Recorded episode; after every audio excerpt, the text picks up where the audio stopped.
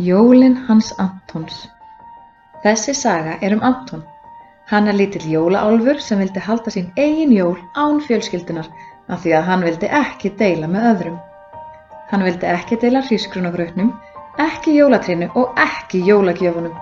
En heldur þú að það hafi verið góð hugmynd hjá Antoni?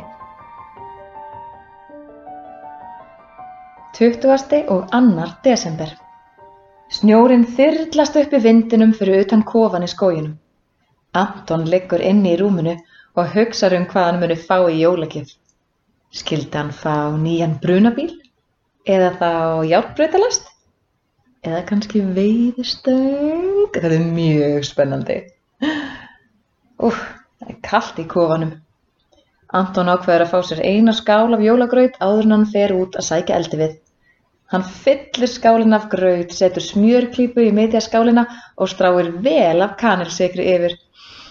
Mmm, hvað þetta er gott. Þetta er besta jólalyktin sem Anton veit um. Anton klæðir sig og gægist út.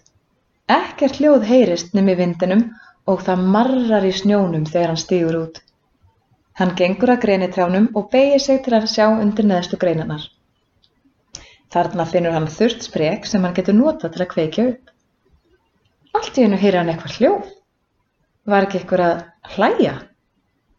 Hann flýtir sér að klefra upp í tré til að sjá betur.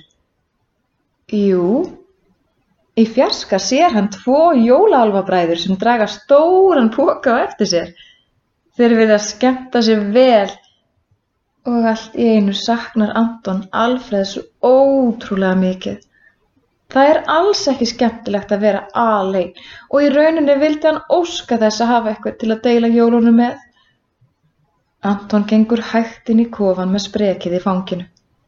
Á meðan hann kveikir eld í opninum lítur hann oft í átt til silfurbjölluna sem jólasveitnin let hann hafa.